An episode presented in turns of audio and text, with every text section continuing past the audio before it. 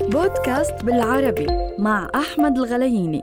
يعطيكم ألف عافية. من وظائف العقل إنه نفكر فيه نفكر بطريقة صحيحة ونفكر بطريقة نفرق فيها بين الصح والخطأ وبين المنطقي واللا منطقي رح نحكي لكم قصة سيدة أعمال ونحط تحت هذا المصطلح ألف خط.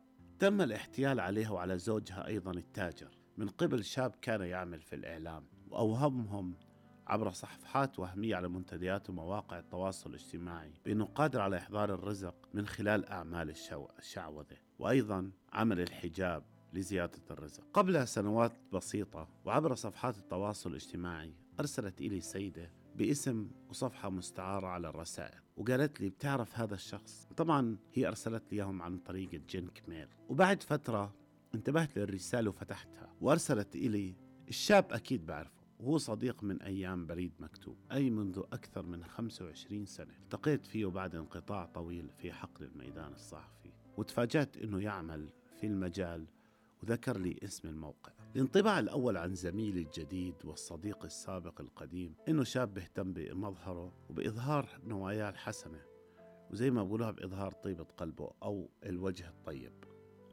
وهذا بيعطيك كاريزما خاصة إنه ترتاح بالتعامل معه ومن السهل كمان توثق فيه. وهو كان على ما يبدو إنه خلاه فريسة سهلة الناس توقع بشباكه. تذكرنا الماضي وأيام المنتديات وتذكرنا أيام خاصة جدا جدا. وتبادلنا الصفحات الشخصية على موقع التواصل الاجتماعي. وكان بيننا تفاعل بالتعليقات وبعد فترة انقطع. وأنا مع مشاغل الحياة ما سألت عنه ونسيته. وأجتني هاي الرسالة وخلتني أتفاجأ بطريقة كثير رهيبة. وحدة كتبت لي وهون بقتبس مرحبا أخي كيف حالك؟ تعرف صاحب هاي الصفحة؟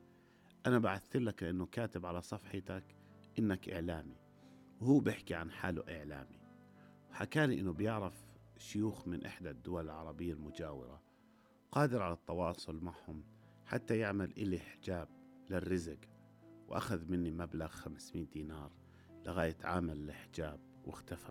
السيدة تكمل لي بتحكي لي بعد فترة إنه باقي يحكي معها بطريقة إنه هو بيعرف مشعوذين ودجالين بإحدى الدول العربية. وهناك راح يطلع يسافر ويجيب لها بخور خاص من إحدى المناطق هناك. وهذا البخور بيعمل على جيب الرزق. وقال أنا ما بدي تكاليف السفر بس بدي سعر البخور اللي هو 500 دينار. وقال أنا مسافر مسافر وهناك حدا بجيب لي. وبالفعل حول لها 500 حولت له عفوا 500 دينار. وقبل ما تحول له 500 دينار كمان وبعد ما حولت له وبالفعل حولت له 500 دينار. وبعد ما حولت له بدي أجور شحن. لأنه راح يوصيه توصاية لأنه بطل يسافر حوالي 150 دينار. وحولت له صار في 650 دينار أي حوالي ألف دولار. وراحت شو عملت؟ عزمته على غداء فاخر حسب ما بتحكي. وبالفعل أخذ منها الفلوس واختفى. طبعا بطريقتي الخاصة عرفت وين هو وعرفت إنه هو نفسه سافر على الدولة العربية هاي. وهناك إله أقارب وإله معارف وضلوا هناك.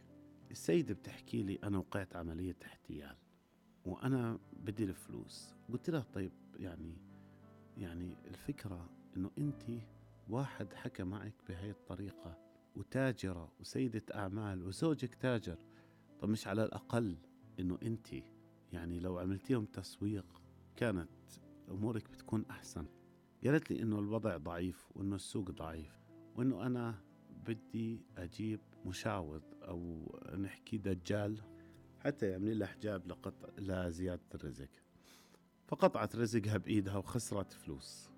يعني إيه بصراحة يعني أنا تفاجأت جدا إنه كمان تجار المفروض إنه يكون عندهم عقل إنه يمشوا بهاي الطريقة. دخلت على صفحة الشاب بصراحة صدمت جدا إنه أنت إعلامي ودارس هذا المجال ودارس الفن والفكر والثقافة وبدك تنصب على العالم بفلوس عن طريق مشعوذين ودجالين. هرب الشاب برا البلد وأغلق الصفحة تبعته وانتهت قصته. لكن الفكرة وين؟ إنه الناس بتحب الكسل بتحب تفكر إنه الرزق بيجيها بالراحة. وعشان هيك دائما بيكونوا فريسة سهلة لهدول الناس. تحياتي لكم.